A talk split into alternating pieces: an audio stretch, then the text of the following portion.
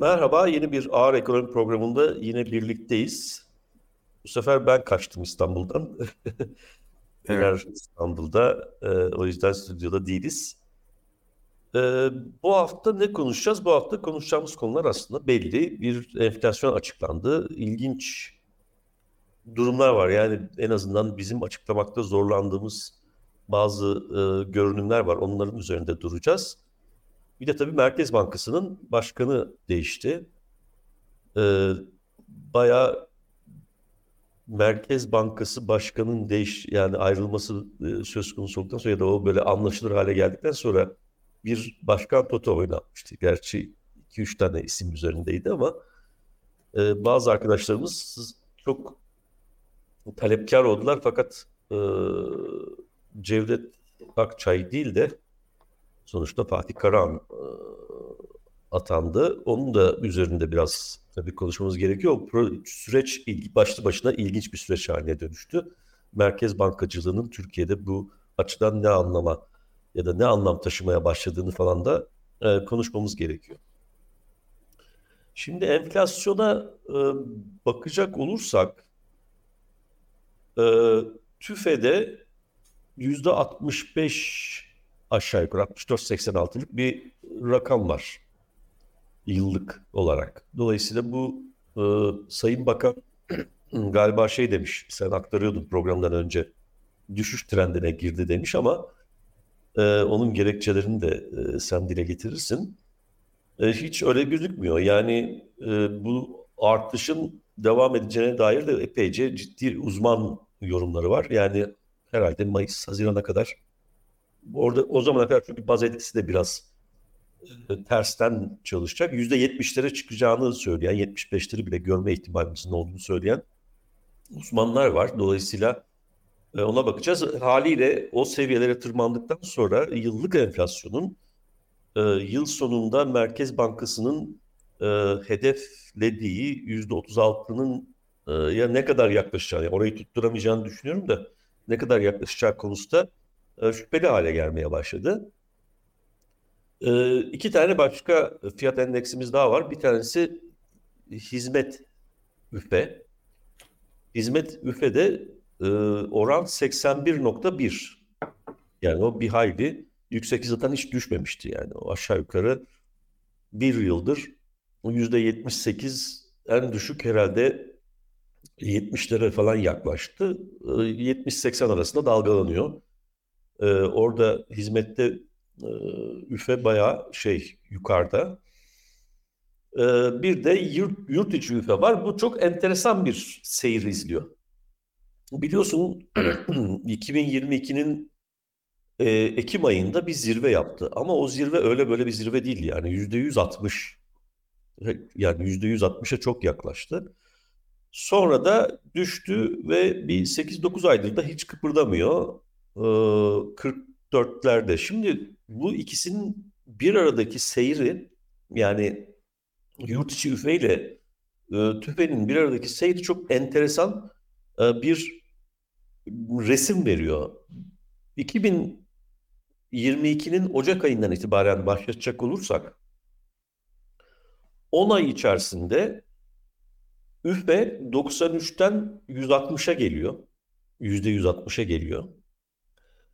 Ee, aynı dönemde tüfe 48'den 80'e geliyor. Yani arada hep iki katlık bir şey var. O zaman zaman zaman dile getiriyorduk. Hatta bunu tabii 2021'de başlamıştı bu.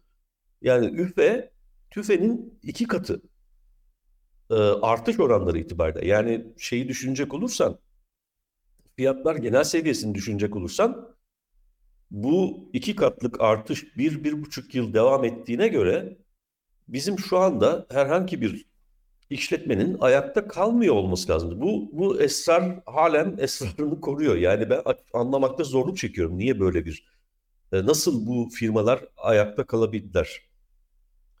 E, sonraki 8 ay içerisinde ise üfe bir 160'tan birdenbire 40'a düştü.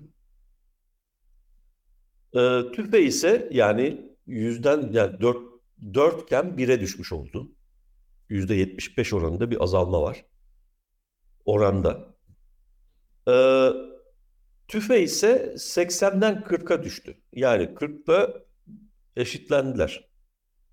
Sonra ki 9 ay içerisinde ise e, TÜFE, yurt içi üfe yani 40'ta seyrini devam ettirdi.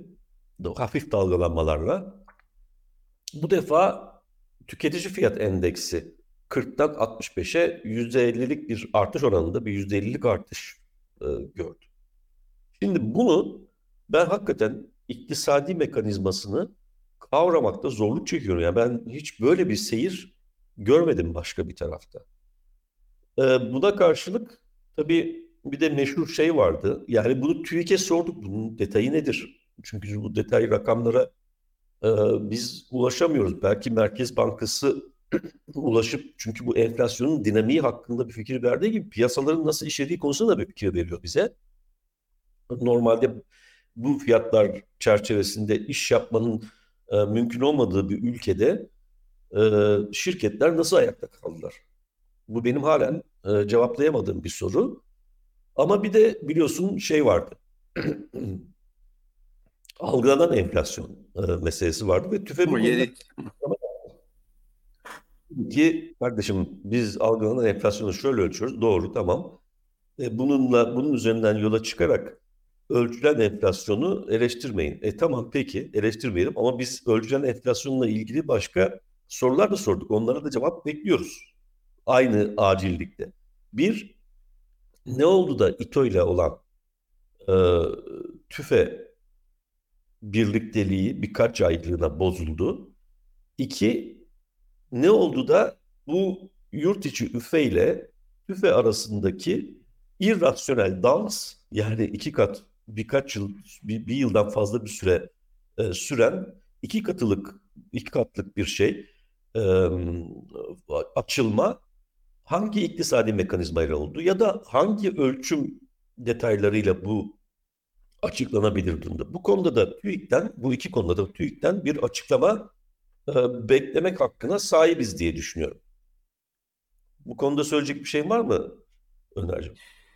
E, o talep e, tabii ki e, şeffaflık eksikliğinden kaynaklanıyor Türkiye'de. E, bir gerekçesi varsa bile bunun e, kamuoyu tarafından e, bilinmesinde fayda var. Ancak e, ben bunu kesin olarak bilmemekle birlikte şöyle bir akıl yürütme de e, yapabiliyorum. Üfedeki o dalgalanmanın sebebi e, ağırlıklı olarak kurdur. Yani üretici fiyat e, endeksinde hakim olan hani girdiler olduğu için e, ve bunların da önemli bölümü ithal olduğu için e, kurdaki dalgalanmalar e, doğrudan en fazla e, etkisini orada gösteriyor ve son zamanlarda biliyorsun kurlara yapılan müdahale evet. ya da şöyle diyeyim müdahale demeyeyim de ilan edilmemiş bir kur rejiminde değişme e, yaşadık. Biz şu anda kontrollü, yönetimli, dirty floating ne dersen de e, bir e, kur rejimimiz var. Döviz talebini de bir şekilde kontrol e, et, e, etmeye çalışıyorlar. E, döviz talebi de düşük olduğu için bu e, politika e, bir e, noktada e, işlerlik e, gösteriyor, işliyor. En azından seçime e, kadar e, bir e, sıkıntı doğurmayacağı yönünde beklentiler var. Ama TÜFE öyle değil. E, TÜFE kurun e, kurda siz istikrarı e, kavuştursanız bile ister istemez orada talebin etkileri e, e, ve bir takım yapısal problemler ister istemez sizin kontrolünüz dışında e, fiyatlara e, yansıyor. Konut diyorsunuz. E, konutun ne para politikasıyla ilgisi var, ne kurla ilgisi var e, ve bir barınma ihtiyacı ile ilgili tamamıyla talep çekişli bir durum ya da gıda dediğimiz şey e, o da e, yapısal. Burada e, birçok e, fiyatlarda e, kamuoyunun e, harcama e, sepetindeki şeyler e, e, ihtiyaçlarla ilgili e, şeydir. Dolayısıyla farklılaşmanın e, büyük bir bölümü tüfe ile üfe arasındaki e, farklılaşmanın e, şey kuru sabit e, düşündüğümüzde, kurun etkisini sabit düşündüğümüzde e, tüfe aleyhine e, talepteki e, dalgalanmalar e, yaratıyor diye e, düşünüyorum. Benim yorumum e, bu. Ama e, bu yorum eğer doğruysa o zaman da üfedeki şu andaki düşüş e, düşük e, seyrin de e, kurla ilişkisi sebebiyle aldatıcı bir bahara neden olduğunu da e, düşünmek mümkün. E, eğer bu kur e, kurun e, bugünlerde e, izlediği e, paternin ya da eğilimin e, devam yapısal olarak devam edebilecek kalıcı yani kalıcı bir e, seviye ise bu e, bunda bir problem yok ama herhalde e, sen de dahil olmak üzere e, piyasada hiçbir iktisatçı kurum bu seviyede e, e kalabileceğine ihtimal vermiyor. E, KKM'nin cari açığın ve bütçe açıkları e, dikkate alındığında e, kurda bir yükselme olacak. Benim anladığım kadarıyla ekonomi yönetimi kendileri için e, seçimi referans almışlar. E, seçim gidene kadar kurda e, aşırılıklara izin vermeyerek ekonomide her şey normalmiş gibi bir izlenim e, yaratmaya ve kamuoyunda bir algı e, oluşturmaya e, çalışıyorlar. E, muhtemelen e, kalan süre içerisinde eğer bizim öngöremediğimiz bir şok yaşanmazsa dışsal veya içeriden kaynaklanan e, bunda da başarılı olunacak gibi görünüyor. Ama e, tekrar etmekte fayda var. E, kurun e, bu seviyesi e, ve buna bağlı olarak üfenin e, bugün elde ettiğimiz seviyesi e, sürdürülebilir bir seviye değil. E, bu seçimden sonra yeni bir denge arayışına ekonomide e, biz gireceğiz. E, dolayısıyla e, bu seviyelerin üzerinde bir enflasyonla karşı karşıya kalma ihtimalimiz yüksek. En azından nüfi için söyleyebilirim. Devam edebilir miyim burada? Tabii tabii. Ee, Sayın Bakan bu rakamların hemen arkasından ilan edildikten sonra bir açıklama yaparak kötü sanki şöyle bir imaj yarattı ya da şu an anlama gelebilecek bir yoruma e, yorum yaptı. Kötüsü geri e, geride kaldı. Yani bu elde ettiğimiz 65'lik e, yaklaşık tüfe enflasyon bu görebileceğimiz en kötüsü de bundan sonra düşüş trendine girecek ve hedef tutacak e, gibisinden bir algı yarattı. E, kamuoyunda da böyle bir yorumlar yapıldı. Maalesef ben bu konulardaki görüşlerimi e, bugüne kadar ifade edebilme, açık bir şekilde ifade edebilme imkanı bulamadım. bir kere bu görüşün e, kurla ilişkisini anlattık. Dolayısıyla kurda e, kurun daha gerçekçi seviyelere gelmesi Türkiye gibi enflasyonun kura duyarlılığının kur geçişkenliği yüksek olduğu bir ekonomide e, çok mümkün olmaya e, yani bu seviyelerde tutmanın mümkün olmayacağını düşünüyorum. E, bakanım e, Sayın Bakan'ın e, böyle iyimserliğe e, sevk eden bir başka e, gelişme de e, biliyorsunuz bu Ocak enflasyondur. Yılbaşı itibariyle birçok mala ötelenen zamlar yılbaşı itibariyle, yeni yıl itibariyle e, yapılır Ocak ayında. E, vergilerdeki artışlar vardır. Onların e, fiyatlara yansıması e, ortaya çıkar. E, ve Sayın Bakan diyor ki bu bir kereye mahsus e, artışlardır. Bundan sonraki e, aylarda bu artışlar devam etmeyecek. Tabii bunu ben bilemiyorum. Sayın Bakan'ın e, rakamlara e, ve devletin e, bütçesiyle ilgili e, rakamlara kendisi daha hakimdir. Ama bütçe gördüğümüz kadarıyla bir finansman ihtiyacı doğuracaktır. Bunu dışarıdan e, borçlanamıyorsunuz. E, o zaman içeriden bir şekilde bunun kaynağını bulacaksınız.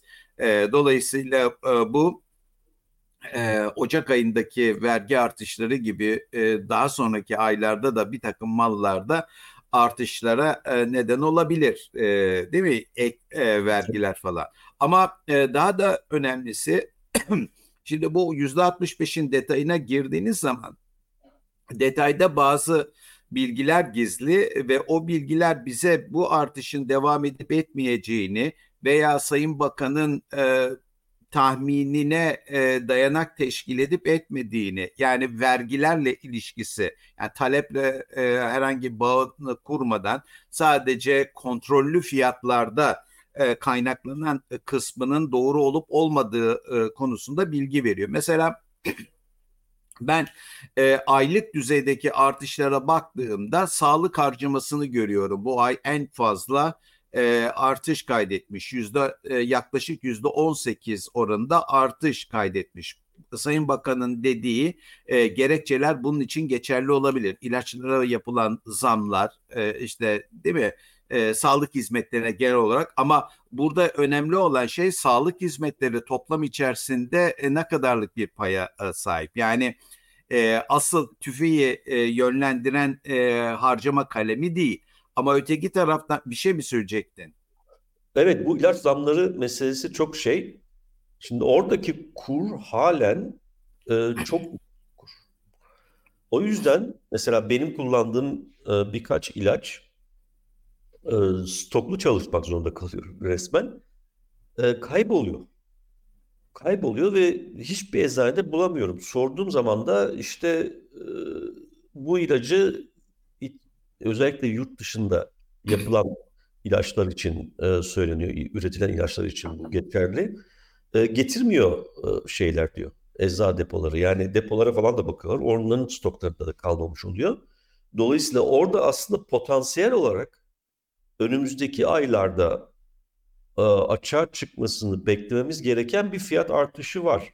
Ağırlığı nedir bilmiyorum ama bu e, önemli bir etki olacaktır. Ki sağlığın ağırlığının düşük olduğunu sanmıyorum. Yani özellikle bu bir temel kamu hizmeti e, niteliğinden uzaklaştırıldığı için e, bir sürü başka ülkede olduğu gibi bunun bütçe içerisindeki payı yükseldi insanlar. Mecbur tamam harcamaya da, Tamam da gıda kadar değil. Yani değil, e, gıda konut e, ulaştırma yüzde 50'den fazlasını %50'den fazla oluşturuyor.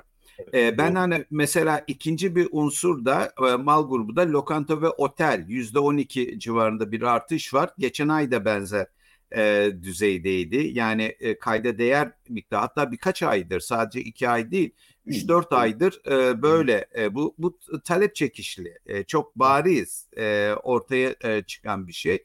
E, demek ki burada e, para politikasıyla değil endüstriyel bir şey e, söz konusu. Belki kredi imkanlarının daraltılmasıyla bunu kontrol edebilirler. Ama e, benim en çok e, dikkati çekmek istediğim şey biraz önce sen de söyledin girişte hizmet. Mesela TÜFE içerisindeki hizmet e, bile yüzde on artmış aylık düzeyde. Sen hizmet e, fiyat indeksi, hizmetler kesiminin fiyat indeksi ayrı bir şekilde de hesaplanıyor. O e, hala çok yüksek e, seviyede ve ekonominin yüzde altmışı yüzde altmışını e, teşekkül ediyor. Konut yüzde yedi artmış mesela. E, gıda bu ay içerisinde e, yine artışı yüksek. Belki ortalamanın altında yüzde beş oranında şey yapmış ama e, bu e, açıkçası bu ka- kalemlerin e, hiçbiri, bu kalemlerin hiçbiri e, e, e, para politikasıyla e, halledilebilecek e, kalemler değil. Burada yapısal problemler olan şeyler. Şimdi Sayın Bakan'ın e, söylediklerini biz kabul edelim. E, yapısal olarak bir problem mi çözdünüz? Ya da seçime kadar barınma sorununu mu çözeceksiniz? Sağlık sorununu mu çözeceksiniz? Yani kredi hacmini bile daraltamıyorsunuz ki o yüzden lokanta, otel, eğlence gibi kalemler e, e, şeyi enflasyonu e, çekici e, bir noktada. Keza bir başka e, parametre daha var. Sen bilirsin kamuoyunda bilenler de var. Çekirdek enflasyon.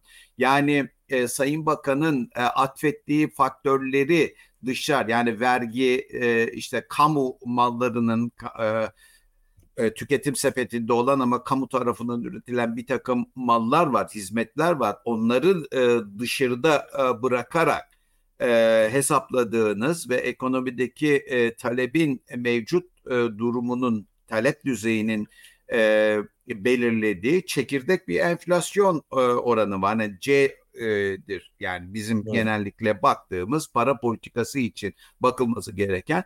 E şimdi o rakama baktığınızda sizin tüfe enflasyonunuz 6.70 aylık. E, çekirdek enflasyona bakıyorsunuz 7.58. yani ortalamanın üzerinde. E, dolayısıyla Sayın Bakan'ın o tezini çökerten, ortadan kaldıran e, sebeplerden bir tanesi de e, bu seçimden sonra e, e bir şekilde talebi e, aşağı çekeceksiniz ki e, bu oran e, otomatik olarak e, düşsün. Şimdi üfe ayağında da e, enteresan şeyler var. E, malum üfe girdi fiyatlarını, üretimin temel girdileri etrafında oluşan fiyat artışlarını gösteriyor. E, burada e, bizim Türkiye'deki üretim biliyorsun dışa bağımlıdır enerji olarak ve e, en büyük e, şeyi de enerji tutar. Yani bütçesel anlamda şirketlerin. E, rakama bakıyorsunuz e, bu rakam yıllık olarak yüzde 32 oranında elektrik, gaz ve buhar sektöründe düşüş var. E, yani eksi. Evet. bu e, çok riskli bir şey. Çok volatilitesi yüksek bir e, sektör bu. E, pe, e, keza aynı şekilde e, ham petrol, doğal gaz sektör bakımından e, bakıldığında aylık düzeyde bakıldığında 2.44 azalmış. yani e, şimdi bu jeopolitik risklere açık e, bir dünya ekonomisinde e, buna da e, güven olmaz. E, onun dışındaki imalatta mesela artış 5.21 yani imalat sektöründe yani temel girdiler olarak artış devam ediyor yıllık düzeyde yüzde 54'ler civarında e, ortaya çıkan bir e, durum söz konusu. E, tekrar etmekte fayda görüyorum. Bu oranlar yani üfe kur duyarlılığı en yüksek, kur geçişkenliği en yüksek olan endeks ithal bağımlılığı sebebiyle. Dolayısıyla sizin izlediğiniz kur piyasa kuru mudur? E şimdi piyasa kuru olmadığını biliyorsun, biliyoruz olmadığını. E çünkü Londra borsasında ya da Londra piyasasında siz swap işlemlerine izin vermiyorsunuz. Yani yabancıların özgürce TL'yi ticaret TL ticareti yapmasına olanak sağlamıyorsunuz. Hala burada bir yasak var. Amaç ne? TL talebini kontrol edebilecek e, düzeyde tutmak e, bunun içinde mümkün mertebe e, TL'nin kontrolünü ülke sınırlarını yani Merkez Bankası'nın ve kamu otoritesinin kontrol edebileceği alanın içerisinde tutabilmek. Dışarıya taşırmamak. Çünkü oraya erişemiyorsunuz siz. Oraya erişebilmeniz için böyle hani e, manipüle edici e, yöntemler e, Londra borsasında işe yaramıyor ya da New York borsasında işe yaramıyor. E, dolayısıyla e, Türkiye ekonomisi normaline dönmemiştir. E, Türkiye e, kurumsal olarak 32 nolu kararname hala yürürlükte. E, değil mi? Türk lirası convertible e, bir para. E, dolayısıyla ticareti yapılabilen e, bir para emtia haline gelmiş. Alınıp satılabilen bir para haline gelmiş. Yani o kurum olarak var. Ama Londra'da siz bunu uluslararası piyasa olarak konvertibilitenin önemli bir parçasıdır. Buna izin vermiyorsunuz e, böyle e, ağır aksak bir politika izliyorsunuz. Dolayısıyla bakanın e, bu işte düşüş trendine gir, e, girmiştir lafının sadece kamuoyunu kamuoyunda e, bir beklenti oluşturmaya e, yönelik ama Türkiye ekonomisinin bugünkü gerçek yapısıyla ve realit e, gerçeklerle ekonominin gerçekleriyle uy, e, uymayan e, iyimser bir beklenti olduğunu ben e, düşünüyorum ve kamuoyundaki bir takım gözlemcilerin ifade ettiği e, rakamlarında e, ileriki günlerde çıkacağını düşünüyorum. Bu arada şuna da hemen bir e, parmak basmak isterim. E, Merkez Bankası Perşembe günü bir şey açıklayacak, enflasyon raporunu açıklayacak e, tahmin e, biliyorsun. E, daha önce e, Hafıza Hanım e, bir açıklama yapmıştı. E, işte operasyon e, yöneylem, işte optimizasyon e, söylemleriyle falan e, ve yüzde 36'lık bir hedef koymuştu. Şimdi bu yüzde 6.7'lik enflasyon önümüzdeki ay yüzde ikiye, yüzde bire ya da eksiye düşmeyeceğine göre bu azalma trendine girse bile e, belli bir e, seviyede devam edeceği belli bunun seçim ortamında. Yani birden ekonomiyi kısamayacaksınız. 4-5 e, civarında bu gidecek e, bu enflasyon oranı. Şimdi böyle bir ortamda e, tabii ki kamuoyunda bu yüzde 36'lık hedefin tutup tutmayacağı e, şey e, bir konu, bir sorun. E, ve sorgulanan e, bir e, sorun ve Merkez Bankası da çok sık hedef değiştiriyor. Bu hani enflasyon hedefini kastetmiyorum hani kurumsal yüzde beşi kastetmiyorum. E, yıllık e, bir şekilde piyasadaki beklentilere göre ortaya çıkan e, şeyi kastediyorum. E, dolayısıyla e, e, bu niye önemli? Bunu tekrar revize etme ihtimali var e, Perşembe günü. E, bunu neden söylüyorum? E, çünkü e, Merkez Bankası faizlere e, temel teşkil eden bir beklenti anketi var. Yani e, piyasa aktörlerine 40 tane 50 tane kişiye soruyor. Diyor ki 12 ay sonraki enflasyon beklentiniz nedir? Evet. İşte e, onlar da e, bu beklentiyi sadece ekonomik gelişmelere bakarak, güncel ekonomik gelişmelerin seyrine bakarak vermiyorlar. Aynı zamanda Merkez Bankası'nın hedeflediği enflasyon rakamına e, bakıyorlar.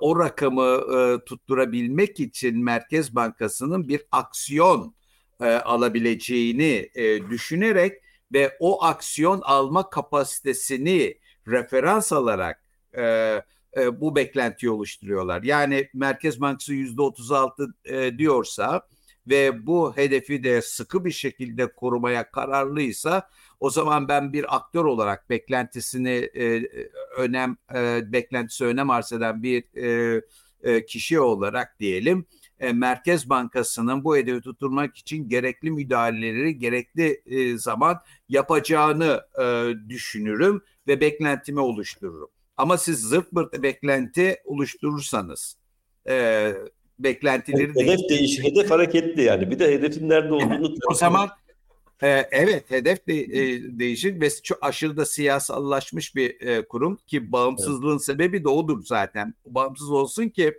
hedefine sıkı sıkı sarılsın diye. E şimdi böyle bir durumda e, Merkez Bankası e, çıkıp çıkıp bana e, piyasa beklenti 12 ay sonra beklentilerden e, bahsediyor ve enflasyonlu ve biz de bizim gibi piyasa iktisatçılar da işte beklentilerle uyumlu bir e, faiz artışı yaptı e, falan e, gibisinden e, yorumlar yapıyor. Yani bu e, e, abesle iştigal etmek gibi bir şey. Yani beklentimi e, e, çıpalayacağım Merkez Bankası'nın e, şeyi bir e, beklentisi yoksa yani piyasanın beklentilerini çıpalayacak herhangi bir e, resmi e, beklenti e, yoksa ve bu beklentinin peşinde koşacak, koşabilecek bir kurumsal çerçeve yoksa e, benim e, şu anda deklare ettiğim yüzde 44, yüzde 45'lik o beklenti, enflasyon beklentisinin hiçbir anlamı yoktur. Şimdi e, bir kere bunu söyleyeyim bir iktisat akademik e, tarafından dolayı. Şimdi e, bu e, eğer perşembe günü tekrar faizde bir art şey e, bek, e, enflasyon beklenen enflasyonda bir artış gelirse ki gelmek zorunda çünkü inanılırlık bu sefer de evet. sorunu olacak. Bu inanırlık sorunu da zaten e, magazin olmuş durumda. Hayatı magazine dönmüş Merkez Bankası'nın daha da magazinleşmesine neden olacak. Spekülasyon neden olacak. Çok özür dilerim. E, bu ama e, beklentiyi arttırırsa e, şey beklenen enflasyon arttırırsa o zaman da e, ek sıkılaştırma ve faizdeki artışlar da gündeme, gündeme gelecek. gelecek. E, burada da e, yeni başkanın daha e, sandalyeye otur koltuğa oturur oturmaz sıkılaşma şahin e, açıklaması piyasaya hani güven vermek için e, şahin açıklamasının e, kendini e, kendisini soktuğu e, bir durumla kısıtla karşı karşıya gelecek. O kadar şahin açıklama yapıyorsan, arkasından enflasyon hedefini de arttırmak istiyorsan o zaman e, bir sonraki e, toplantıda da vatandaş senden yeni faiz arttırımının e, arttırma e, bekler. Yani nereden baksan işin içinden çıkılmaz bir durumla karşı karşıyayız para politikası açısından. Evet bir de şimdi bu şey meselesi de var. Ee, bu sen değindin e, tüfenin yurt içi büfenin e, detaylarına girdiğin zaman şimdi orada benim kafama takılan iki tane soru var. Yani e, Merkez Bankası'nın hedefleri açısından büyük bir e, nedir volatilite söz konusu aslında güvenirlik açısından ama bir de bu e, hedefin e, fiyat hareketleri üzerinden olması ya da fiyat e, değişimleri üzerinden gerçekleşen bir hedef olma ya da o, o şekilde kendisini dışa vuran bir hedef olması itibariyle e, ölçüm problemlerine de ilişkin bir e, ekstra güvensizlik var. Şimdi ben şunu anlayamıyorum. İki tane şeyi anlayamıyorum. Bir, bu şeye baktığımızda elektrik, gaz, buhar sonuçta büyük ölçüde kontrollü fiyat değil mi? Yani sonuçta ilan. Tabii. Burada e, 2023'ün Ocak ayında 100 lira nominal olarak 100 lira olan fiyat 2024'ün Ocak ayına geldiğimizde nominal olarak 68 liraya düşmüş. Yani böyle bir şey akla aykırı. Petrol fiyatıyla açıklanabilecek bir şey değil bu. Çünkü nominal fiyatlardan bahsediyoruz. Yani fiyat geri gelmiş. Ya petrol fiyatı e, böyle büyük bir düşüş falan yaşanmadı çünkü büyük bir çıkış da olmamıştı. Tabii de kesinlikle e, yatay gidiyor. Yani yatay Evet. dalgalı gidiyor. dolayısıyla burada bir e, ekstra durum var. Değil mi? Yani ya sübvansiyon söz konusu, hükümetin hazineden gerçekleştirdiği bir sübvansiyon söz konusu veya hükümetin çeşitli dış bağlantılarla yoluyla elde ettiği bir sübvansiyon söz konusu. Rusya işte ben sizden almıyorum deyince mesela faturalar pıt pıt pıt düşmüş mü olabilir bilmiyorum. E bu e, bu doğrudan doğruya hile yani e, kamuya karşı hile. Çünkü e, eğer bu durum sürgüt devam edemeyeceğine göre bir anda bu diyelim mesela seçimden sonra herhangi bir ay e, büyük bir şeyle patlamayla ya da zamana yayılan birkaç aya yayılan yüksek artışlarla geri gelecek demektir. İkincisi ölçüm metodolojik olarak e, problemli bir durum var. Şimdi bu 44 ağırlıklı aritmetik ortalama. Değil mi? Ağırlıklı aritmetik ortalamayı bir tahterevalli ya da herhangi bir aritmetik ortalamayı bir tahterevalli gibi düşünebiliriz aslında. Bu tahterevalli dengede olmak durumunda. Dengede olmak durumunda olduğu için de ayağını yani bizim 44-20'ye yerleştirmemiz gerekiyor. Değil mi? TÜİK'in rakamları öyle gösteriyor. 44-22 dolayısıyla tahterevalliyi dengede tutan sihirli nokta.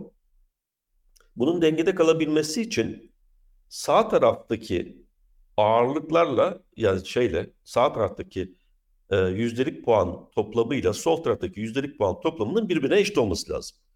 Bunların ağırlıkları farklı olduğu için e, tabii ki eşdeğer değil ama ağırlığın toplam ağırlık hakkında bir fikir sahibi olabiliriz. Yani sağ taraftakiler, sol taraftakiler e, değerleri ve işte ağırlıklarıyla çarptığımız zaman dengede olması. Şimdi buna baktığımızda ben bir şöyle topladım. 44-20'den uzaklıkları itibariyle sağ tarafta kalanların toplam yüzdelik puanı 105 yapıyor. Sol tarafta iki tane var. Eksi 32 ile eksi 4. Bunların toplamı da 124 yapıyor 44'ten uzaklığı. Yani sol tarafta 124 puan var, yüzdelik puan var bizim gözlemleyebildiğimiz. Sağ tarafta da 105 yüzdelik puan var. Yani buradan şunu çıkartıyoruz. Elektrik, gaz, buhar, enerji kontrollü fiyatların hakim olduğu e, sektörler 3 aşağı 5 yukarı ağırlıkları itibariyle geri kalan bütün e, sektörlere eşdeğerler. Çünkü Doğru. sadece 15 puanlık fark var. Yani bir tanesinin ağır, bu 15 puanı da işte ağırlıklarla dengelediğimizi düşünüyoruz. Ama bunun çok çok daha büyük olması gerekirdi bu fark. Yani sol tarafta başka sektörlerin de olması gerekirdi ki denge olsun. Bir an için bunu kaldırdığımızı düşünecek olursak, yani sol tarafı kaldırdığını düşünecek olursak, e, şey e, ağırlık merkezi herhalde 60'a doğru, 55-60 arası bir yere doğru yaklaşacak. Yani %25'lik bir e, az düşüşten, şey, az nedir, deklarasyondan bahsediyoruz aslında. Yani bu, bunlardaki artış %44 olsa bile, bak hiç %44 olsa bile bir anda bunu kaldıracak olsak bile inanılmaz bir e, sıçrama e, olacaktır enflasyon şeyde e, yurt içi. Şimdi bu başlı başına şüpheli bir durum yani. Dolayısıyla TÜİK'in bu konularda esas açıklama yapması lazım. Yani bu bizden kaynaklanan bir durum değil işte şöyle şöyle nelerle böyle gerçekleşti bilmem ne falan gibi. Çünkü şeyi hatırlıyorsun değil mi? Bir tartışma çıkmıştı bu. E, faturaları ben ödeyeceğim dediği zaman e, kamu TÜFE'de o aylarda seçimin hemen öncesiydi yine şey olmuştu. E, Aa madem fatura şeyden ödeniyor, e, hazineden ödeniyor, o zaman biz bunun fiyatını sıfır kabul edeceğiz demişti TÜİK. Evet. Burada sıfırdan daha insafsız. Ee, yalnız, yalnız, yalnız e, doğru söylediğin o dönemde biz bunu konu edinmiştik, burada evet. tartışmıştık. Ancak e, birçok iktisatçı da bir, e, yani muhalif olsun e, ya da olmasın birçok iktisatçı da e, bunu haklı göstermişti. Yani hesaplamada e, sıfır alınabileceğini e, onlar da iddia etmişti. Hatta TÜİK biliyorsun Eurostat'ın farklı bir mantıkla evet. yaptığı bir düzenlemeyi de kamuoyundaki algıları yönlendirmek için kullanmıştı. Ben seninle birlikte bu e, manipülasyona hala ikna olmuş değilim. E, onun e, rakamlara göz göre göre ve kamuoyunun rızasını alarak e, müdahale olduğu görüşündeyim. Bunun bir devamıdır. Burada çok haklı bir e, e, eleştiride bulunuyorsun. Bir hemen ekleyeyim 29 tane sektör ilan ediyor kamuoyuna bu rakamlarda. 22'sindeki fiyatlar e, genel üfe artışının üzerinde. Evet. Yani Sayın Bakan bunu nasıl sürdürecek? Yani enflasyonu kontrol düşüş trendine girebilmesi için ya bu elektrik, gaz ve buhardaki azalışın devam etmesi lazım istikrarlı bir şekilde. Ee, gerçekten hani piyasa dinamik ya da müdahaleyi devam ettireceksin. E, e o da bütçe. E, tabii sübvansiyondan e, kaynıyor. Yani bu aslında e, endeks artış oranındaki düşüklüğü satın alıyor hazine. Aynen. Piyasası var. piyasası Aynen. var. E şimdi ama piyasası var fakat burada kaça satın aldığını bilmiyoruz. Çünkü aslında o hazine hükümetin cebinden çıkmıyor. Biz ödüyoruz. Yani hükümeti mutlu edecek bir rakam elde etmemiz için e, bir satın alma işlemi gerçekleşiyor. Bir piyasa kurulmuş. Satın alma işlemi gerçekleşiyor. E, bunu bir de biz ödüyoruz. Şimdi dolayısıyla yani ahlaki açıdan, o açıdan, bu açıdan e, kabul edilebilir bir durum değil bu. Şimdi o düşük sektörlere baktığı zaman mesela kağıt ve kağıt ürünleri yüzde 40 artmış bir yıl içerisinde. Ya dalga mı geçiyorlar bilmiyorum. Yani bu yayın evleri kan alıyor. Bizim üniversitenin yayın evinde kağıt bulamıyoruz. Kitap basamıyoruz yani. E doğru. Benim kitap bile e, daha yeni bak e, Haziran'da kitabı verdik. Ya e, daha yeni bütçeler duman oluyor. Yani bu hangi kağıdı takip ediyorlar burada? Bunu bilmiyorum ki. Oradan alalım biz de. Söylesinler. Bilgisayar, bak dik, dikkatini çekelim. Bilgisayarlar elektronik ve optik ürünler diyor. Yüzde 40 artmış. Hangi bilgisayardı bu daha? Yani bilmiyorum. Ben hakikaten anlamakta çok zorluk çekiyorum. E, TÜİK'ten bu konularda detaylı bir açıklama çok çok iyi olur yani hepimizi çok rahatlatır. Öyle ama yani bu şeffaflık ve hesap verilebilirliği sürekli tekrar eden bir e, iktisat yönetimi, ekonomi yönetiminin e, bu konuda çaresizliği de dikkat çekici. Yani bu e, e, bu verilerle ilgili kamuoyunda herhangi bir tartışma yokmuş gibi bu verilerin üzerine bir beklenti oluşturuyor. Resmi bir beklenti oluşturup kamuoyuyla bu beklentisini paylaşıyor Sayın e, Bakan. Oysa böyle bir beklentiyi oluşturmadan önce e, TÜİK'in rakamları hakkındaki güveni ya güven eksikliğini gidermesi lazım. Belki bu rakamlar gerçekten doğru olabilir. Bazı eleştirilerinin haksız olduğunu söyleyebiliriz. Ancak e, bu şu andaki e, konu rakamın doğru veya yanlış olması değil fiili olarak e, böyle bir algının olmasıdır ve bu algıyı giderecek e, tatmin edici bir e, eylem planı e, açıklanmalı, bir aksiyon alınmalı, bir değişiklik e, yapılmalı.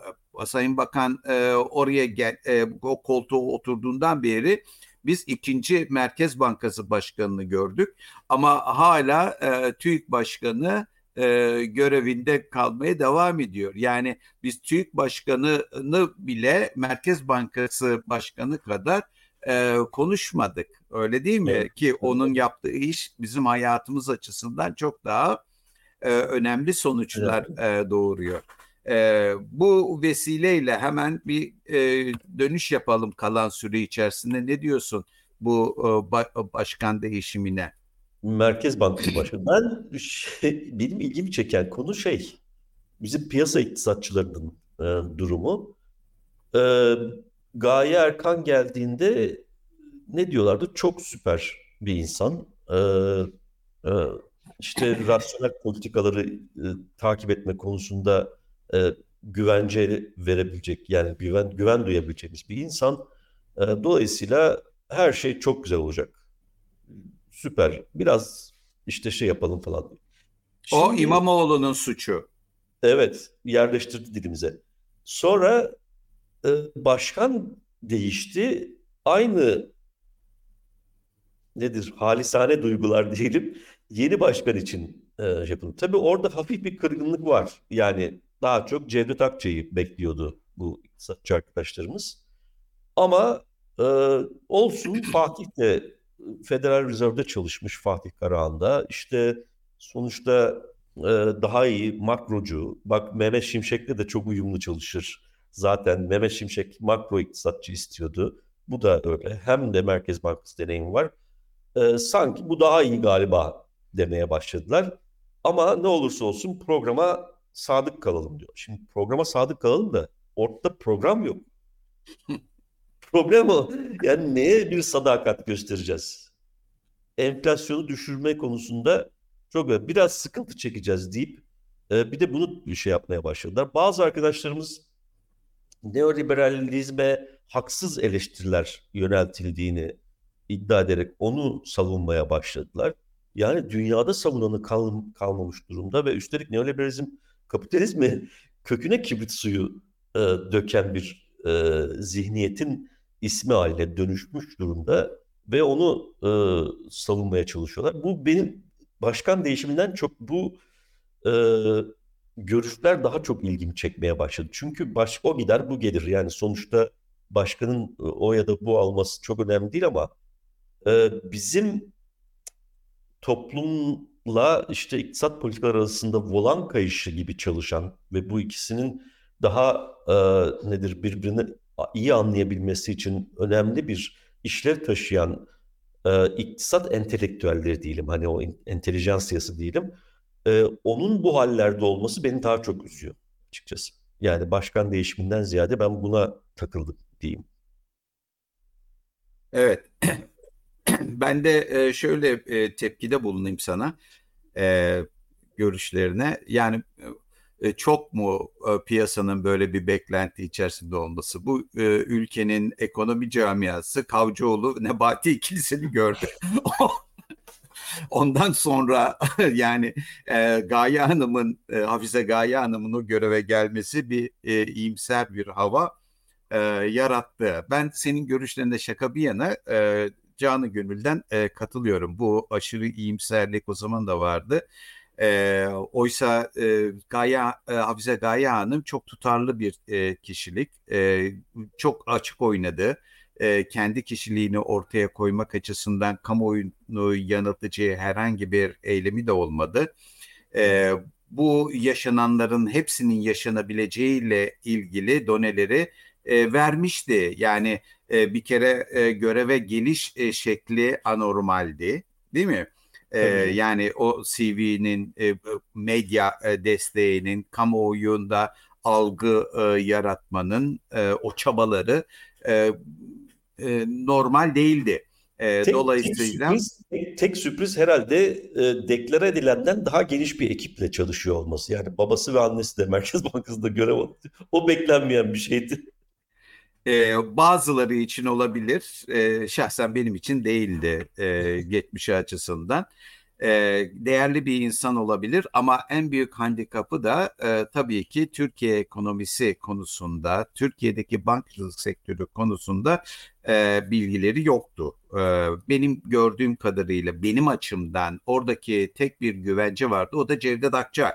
Yani Cevdet Akçay şu anda da e, öyle. Cevdet Akçay Türkiye'deki bankacılık pratiklerini bilen ve Türkiye'deki bankacılık e, e, olaylarına, sorunlarına e, bu ülkenin e, geçmişindeki e, bilgilerle, know-how'la tepkide bulunabilecek, e, kararları alabilecek e, beni yanlış anlamasın diğer e, idareciler tek kişi oydu. Ancak baştan beri de e, benim ifade ettiğim e, şekliyle Cevdet Bey oraya bir sigorta olarak e, konuldu gibi. Yani hiçbir zaman başkan olma ihtimali yoktu. E, AKP iktidarı döneminde de olabilme ihtimalinin sıfır olduğunu ben e, düşünüyorum. E, çünkü liyakat sahibi.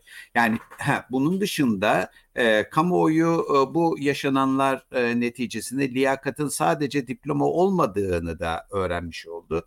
Çünkü e, e, hanımefendinin e, e, çok saygıdeğer bir kariyeri ve eğitim kariyeri var, mesleki kariyeri var. Ancak e, o 80 milyonluk Türkiye'de tek değil. Bunun gibi çok insan var e, ülkemizde. E, aynı görevleri yapabilecek ve hatta fazlasına sahip olan e, çok insan var. E, dolayısıyla buradaki asıl e, referansımız tecrübe. Yani bir kamudaki e, kamu tecrübesi, iki Türkiye piyasaları ile ilgili tecrübe. Nasıl sen veya ben, seni e, dahil etmeyeyim ben ama ben e, kendimi e, Türkiye'deki e, pratik e, bankacılık e, faaliyetleri konusunda yetersiz e, gören e, birisi. Bilmiyorum kişileri e, tanımıyorum. Kiş, çünkü orada alınan aksiyonların önemli bir kısmı da e, kişiliklerle ilgili. Cevdet Bey'in e, bir olay karşısında takındığı tavırla bir başkasının e, takınacağı tavır e, farklı olabilir. Çünkü farklı geçmiş, farklı tecrübeleri olabilir bu piyasayla ilgili. Dolayısıyla bu hanımefendi de ve diğer arkadaşlar da, diğer iki e, başkan yardımcılarında e, böyle bir tecrübe yok. E, bankacılık yani yönetim tecrübesi yok bırakın bankacılığı e, bir yönetim olarak CEO olarak düşünün bir e, holdingin başında e, görev yapma bakımından düşünün yeni gelmiş ya da bir şirketin bir departmanında görev yapmış bir adamı 2-3 yıllık bir görevden sonra bir şirketin başına getirebilmek. Yani ve o şirketin de önemli bir şirketse e, politikalarından sorumlu tutabilmek. Bana pek inandırıcı gelmiyor. İşte bu yüzden ben piyasadaki arkadaşlarımı böyle olumlu metiyeler yazan gazete e, ekonomi basınını eleştirebilirim. Yani yönetim pratiği açısından bile hem Gaye, e, Gaye Hanım'ın atanmasının, Hafize Gaye Hanım'ın hem de bu beyefendinin yeni e, atamanın doğru atamalar olmadığı görüşündeyim. Özellikle Fatih Bey'in e, benzer şekilde Gaye Hanım gibi e, yine e, dezavantajlı bir şekilde o göreve geldiğini e, düşünüyorum. E, yarın, e, yarından itibaren bunun etkilerini daha fazla göreceğiz zaten. E, çünkü kendisi öncelikle elbet belli e, kurumlarda belli e, bankacılıkla ilgili havayı teneffüs etmiştir. E, tozu koklamıştır. Ama toz koklamak ve hava teneffüs etmek e, bir yerde işte e, baş ekonomist olmak Merkez Bankası Başkanı olma anlamına gelmez. ve e, kamuoyunda ekonomi basınında e, sanki e, olumlu bir imaj yaratabilmek için inanmak istedikleri bilgi kırıntılarını arayan e, basın veya iktisatçı arkadaşlar bu tip e, kırıntıları, lehte kırıntılara e, e, tutunarak e, yeni bir öykü yazmaya çalışıyorlar. Açık ve net söylüyorum. Bu atama politik bir atamadır. Kesinlikle. E, politik bir atama olduğu için de doğru bir atama e, değildir. Merkez Bankası açısından da Ga Hafize Gaye Hanım'ın atamasıyla Fatih Bey'in ataması arasında herhangi bir fark benim nazarımda yoktur. Hatta siyasi e, tandansı Gaye Hanım da siyasi e, özelliği, siyasi bağlantısı Hafize Gaye Hanım da bu kadar açık, aleni olmadığı için o daha iyiydi. E, Fatih Bey de siyasi bağlantılar bir değil birkaç kanaldan belki de ilerleyen günlerde başka kanalları da biz e, görebileceğiz. E, o, o kanallar olduğu için farklı kanallar e, daha dezavantajlı e, bir durumda kalmıştır. Bu birinci nokta. İkinci e, konu. Ya e, bu ülke öyle bir ülke ki bu ülkenin insanları öyle insanlar ki herkes her göreve talip. Yani bu insanlara soruyorlardır herhalde senin atacağız diye. Onlar da yaparım diyorlar. Bu özgüvene de ben hayranım. Yani e, biraz üstü kapalı konuştum ama burada bırakayım. Çünkü ilerleyen günlerde bunu açma fırsatı olacak bende. E, diye evet malzeme gelecektir diye ben de öyle düşünüyorum da e, tabii burada bir de şuna da ba- bakmak gerekiyor. Yani o program meselesi gerçekten çok önemli. Onu muhtemelen kafalarında var artık hazırlanmış programları var ama bunu açıklama e, iyi uygun bulmadıkları için biz bilmiyoruz. Şeyden sonra seçimden sonra e, işte Mehmet Şimşek zaman zaman şunu dedi bunu dedi diye e, bazı izlerini bu programın sürebiliyoruz ama bu program hayırlı bir program değil göründü. Yani en azından toplumun uçlarından yola çıkarak. Çünkü halen enflasyonu Türkiye'deki enflasyonu salt parasal bir olay olarak gören bir zihniyetin e, ürünü gibi gözüküyor. Umarım öyle değildir ama e, bu Türkiye'deki gelirler politikası, Türkiye'deki arz yapısı yani o verimlilikleri şunları bunları falan içeren bunları çözmek. Hocam e, sözünü kesiyorum. Yani e, çok doğru bir şey söylüyorsun. Gelirler politikasını düşünmeden bunun e şimdi e, diyor ki zaten satın al gelirler itibariyle satın alma gücü düşmüş. Bir kesimin evet. üzerine daha çok yük koyuyorsun. Adamın zaten talep edecek bir şeyi yok. Parası yok. Yok. Yok. Yani TÜİK'in açıkladığı gelir dağılımı haber bülteninden, yoksulluk haber bülteninden sonra halen bizim bazı meslektaşlarımızın programdan bunu anlaması yani uygulanması gereken program. Biraz sıkıntı çekeceğiz ama sonra düze çıkacağız Olur falan gibi şeylerle bunu ifade etmeleri kabul edilebilir bir şey değil. Utanç verici bir şey. O da utanç verici bir şey. Yani içinde yaşadığımız memleketin e, gerçeklerine hiçbir şekilde e, vakıf olamamaktan kaynaklanan bir şey. E, bunu talep etmek doğru değil. Bunun yapılmaması için çaba harcamak gerekiyor tam tersine. Dolayısıyla oturup gerçekten belki bizim de kendi aramızda e, bu meslektaşlarımızla birlikte e, meseleleri tartışmamız lazım. Yani böyle bir platform, böyle bir e, şey oluşturmamız lazım. E, mekanizma oluşturmamız lazım. Katılıyorum sana. E, bunu da bir duyuru olarak ifade etmiş olalım. Evet. Evet. Yani e, kolay bir mesele değil. Gerçekten çok zor bir meseleyle karşı karşıyayız. E, hoş tabii böyle bir şey yapsak bunu dinleyen olacak mı hükümet kanadında? Yani bir yandan da işte birkaç programdır hep bas bas bağırıyoruz.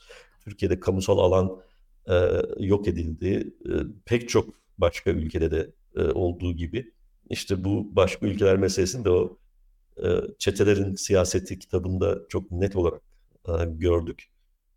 E, gidişat şey e, maalesef bizim etkileme şansımızı çok kapatan bir gidişat bir yandan da.